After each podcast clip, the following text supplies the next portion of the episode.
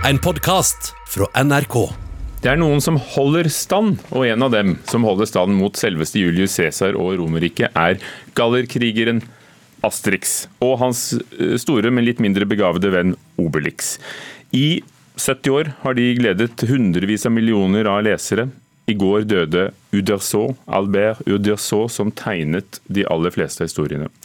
Arild Midthun tegner, Donald-tegner. God morgen. God morgen. Du har en daglig Donald-tegneskole, det skal vi komme tilbake til. I går åpnet du timen med en hyllest. Hva tegnet du? Um, der var tegningen riktig vei til meg. Um, Kan du beskrive den? det skal jeg gjøre. Um, altså, Uderso var jo min store helt. Og i går så var hovedtemaet for vår tegnedugnad som vi har fra tolv til halv ett hver eneste dag, det var heltene. Sant? Det var brannmenn og ikke minst alle som jobber i eh, helsevesenet. Og Da tegnet jeg Donald. Veldig trist Donald, for det har vi allerede øvd på nå. for Vi har holdt på i over en uke med disse her tegnedugnadstimene våre. Eh, Og Da tegnet jeg en trist Donald, for det kan alle seerne nå eh, etter alle disse kursene. Og så tegnte jeg inn denne her gallerhjelmen med de veldig karakteristiske vingene til Asterix på hodet til Donald.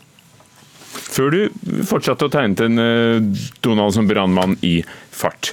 Albert Uderso han ble 92 år gammel. Han døde i et stort, flott privathus, for han tjente ganske mye penger på dette. her, I Neuilly utenfor Paris. Han var bl.a. forelsket i Ferrari-biler. Det hele begynte i 1961, et eventyr sammen med René Goscinny. De to, altså, han, Uderso hadde jobbet med tegneserier siden han var 14 år gammel, han, siden 30-tallet. Hva er magien i historien om Asterix og Obelix? Eh, Det er noe av det samme som jeg merker fra Andeby. Det er det at du tar mennesker som oss, og så forkler du de, enten som ender, eller i dette tilfellet som gallere, med store neser. Eh, Og så setter du de inn i en sammenheng, akkurat som et sjakkbrett. Eh, Så du har sjakkbrikkene, du har sjakkbrettet, akkurat som Magnus Carlsen gjør. Og så spiller du ut et drama som alle kan gjenkjenne. Og du må huske at eh, Asterix er en av grunnene til at de Gaulle, som da var president Asterix, galleren de Gaulle eh, de, de trykket jo Asterix til sine hjerter, fordi de hadde jo vært okkupert av tyskerne under annen verdenskrig. Asterix kommer rett etter sant? dette etterkrigsårene. Så de gjenkjenner det å være okkupert av en fremmed makt, altså i dette tilfellet romerne. Og det som er morsomt, er jo nettopp det at Uderso hadde jo sin bakgrunn i fra Italia, altså Romerriket. Ehm, Så jeg tror det er gjenkjennelse. Det er det det handler om. Det er derfor Donald er så populær. Donald er mer populær enn Mikke, fordi Mikke er en helt som bare får, får til alt. Mens Donald vet at verden er vond og vanskelig, han er en liten and i en stor verden. Gallerne er den siste landsbyen den siste landsbyen helt ute i Bretagne, det var, eh, som da holder stand mot, mot disse uovervinnelige romerne. Og Det er den gjenkjennelsen av den lilles kamp mot det store som jeg tror er virkelig den, den liksom nøkkelen til suksessen. Det begynte i det små, eh, bitte små opplag, og til slutt så vokste det. Og det ble større og større. 375 millioner album til sammen solgt, og, det har sikkert ikke stoppet der. Eh, René Goscinny skrev historiene, det ble 24 album, og så døde han plutselig i 1977. Ja. Og så overtok Uderso. Hva skjedde da? det det er jo mange som sier at kvaliteten på manuskriptene gikk ned. Um, noe jeg for så vidt er enig i. Altså det, det er mange litterære kvaliteter som forsvinner akkurat der når Goscinny dør i november. Jeg hadde en tegning av René Goscinny som jeg hadde tegnet, da. For da er jeg født i 64. Så 77 jeg var, det veldig formative år. Og det, dette, dette var en katastrofe for meg. Det, det, dette var, Jeg husker når John Lennon døde. Forferdelig opplevelse. Men dette viser kraften i et samarbeid, Ja, jo. og Uderso. Helt klart. Da, da er det det at du har en sånn litterær forfatter eh, på den ene siden, med Goscinny, og så har du en tegner da, som kombinerer den europeiske, fransk-belgiske, europeiske illustrasjonskunsten, tradisjonen, med amerikanske tegnefilmer og amerikanske tegneserier. Så Uh, igjen, som Donald-tegner, så må jeg si altså Uderso var veldig opptatt av uh, Disney-animasjoner, f.eks. Så han tar Disney-animasjonen med, med de veldig sånn eh, Jeg har tatt med Juice. Jeg vet ikke om dere kan eh, se det på radio. Juicebokser, vi ser dem på radio. Den ene er grønn, og den andre er blå. Sånne små kartonger Ja, med små- sugerør i et lite hull på på de- de- toppen. Disse er nesten 30 år gamle. dette er kartonger som jeg har tegnet. Okay? Så akkurat som at jeg tegner krimgåtene til Tines eh, påskemelkekartonger. Dette. Stopp en hal, Arild Midthun. Du er en verdensberømt Donald-tegner. Dette er altså eh, to juicekartonger, 30 år gamle. Den ene med Asterix, den andre Obelix. Du sier at du også er en Asterix-tegner? Eh, ja, egentlig er jo det. Men det der, nå begynner vi inn på ting som På den ene siden så er det noen ting jeg ikke kan snakke om, det skal man da ikke snakke om. Eh, men jeg kan snakke om uh, juicekartonger. Uh, og da kan jeg si det at ok, det var et prosjekt uh, hvor jeg var inne i bildet som tegner av Asterix. Um, og det, det, det, kom så langt at det var bare snakk om kontrakter og den type ting, og så ble prosjektet stoppet. Så Det er det ene jeg kan si. Det andre jeg kan si, er at jeg tegnet derimot disse her eh, juskartongene. Og til dette andre prosjektet, og også her så har jeg da tegnet inn hvor Obelix kommer gående og bærer på villsvin. Han har hentet seg lunsj. Han spiser jo ett villsvin til lunsj, selvfølgelig. Um, og det som er morsomt, er at når der var rundt i et tegnefilmstudio for akkurat da så var de midt oppe i noen av de eh, store tegnefilmene. Da brukte de mine tegninger av villsvinene som forelegg for animatørene. Som, så istedenfor at du der så brukte sine egne tegninger, så brukte han faktisk en av mine. Så Albert Dussault døde i går, 92 år gammel, skaperen av tegningene i eh, Asterix Obelix. Eh, han, han har likt dine Asterix-tegninger. Ja, det er veldig gøy. Og så håper jeg at alle kan følge med på vår tegnedugnad klokken tolv på Facebook. Arild Midthun, Donald-skole klokken tolv på Facebook hver dag. Tor. Hva lærer du bort?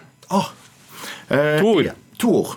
Eh, at det er gøy å tegne, og så lurer jeg inn litt kunnskap på toppen. Latin var det i går. Hver eneste dag. Takk for at du kom, Arild Midthun. Tusen takk. Woody Allens eh, nye film 'A Rainy Day in eh, New York' er nå klar for å kjøpes eller leies digitalt eller på disk, dvs. Si DVD eller Blu-ray. Den filmen handler om et par på romantisk helgetur til Manhattan, der flere forviklinger fører dem fra hverandre. I got an interview with Roland Pollard. Oh my gosh, that is amazing. And it's on campus? Mm -mm. It's in Manhattan. Woody Allens siste film fikk en trang fødsel. A Rainy Day in New York ble opprinnelig laga i 2018 for Amazon, men de trakk seg da 25 år gamle overgrepsbeskyldninger, som Allen kategorisk har avvist, fikk ny kraft i metoo-æraen. Det her var en kommersiell katastrofe for filmen, som fikk svært begrensa distribusjon og kom aldri på kino i Norge. Når man nå kan kjøpe eller leie den digitalt eller på disk, kan det virke pussig at det vekkes så sterke følelser rundt en film med et så lite kontroversielt innhold. A Rainy Day in New York er bare en søt, sjarmerende og ufarlig historie om et kjærestepar som vimser rundt i New York på en regnværsdag, og fremstår som en hyggelig ubetydelighet i Woody Allens karriere. We're always talking about going into Manhattan for a special weekend. This is going to be absolutely fantastic. Later, maybe we could take a carriage ride. Yeah. If it doesn't rain. Gatsby, spilt av Timothy Chalamet, og Ashley, spilt av Ellie Fanning, drar på en romantisk helgetur til Manhattan, der Ashley skal intervjue den kjente regissøren Roland, spilt av Liv Schreiber, for Universitetsavisa. All planene deres for resten av dagen går i vasken når Ashleys intervju utvikler seg til å bli en heisatur gjennom New Yorks filmmiljø. Samtidig møter Gatsby smellvakre Chan, spilt av Selena Gomez, lillesøstera til en gammel flamme, mens han desperat forsøker å unngå at hans mor får vite at han er tilbake i hjembyen. You're by far the most interesting American director. Since this is your first meaningful assignment, would you like a scoop? Of.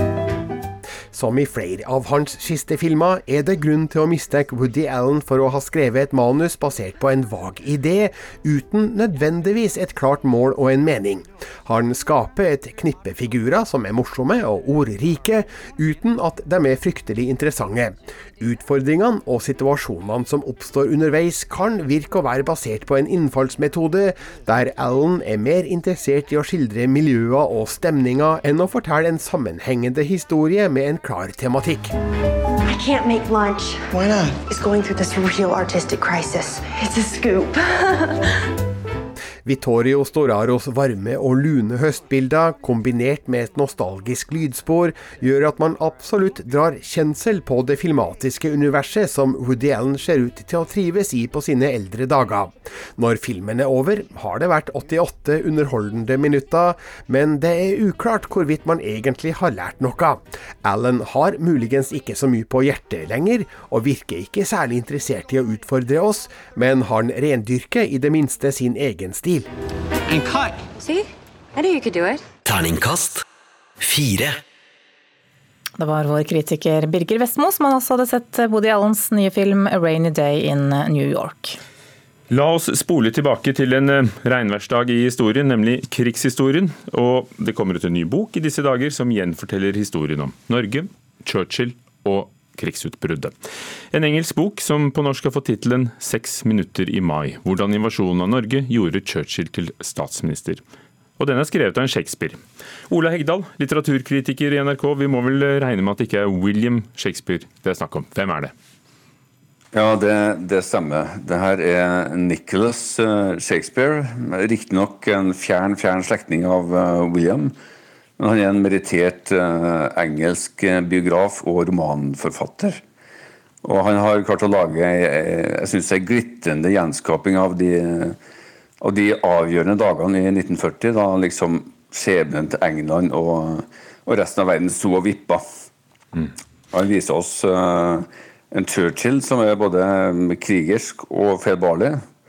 Og en Chamberlain som er betydelig bedre enn sitt rykte. Handler denne boken først og fremst om britisk politikk? Eh, ja, det, det, vil jeg si.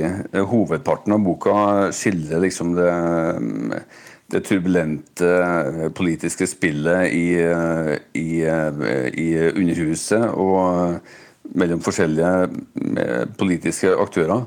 Men starten er om Norge og om felttoget i Norge.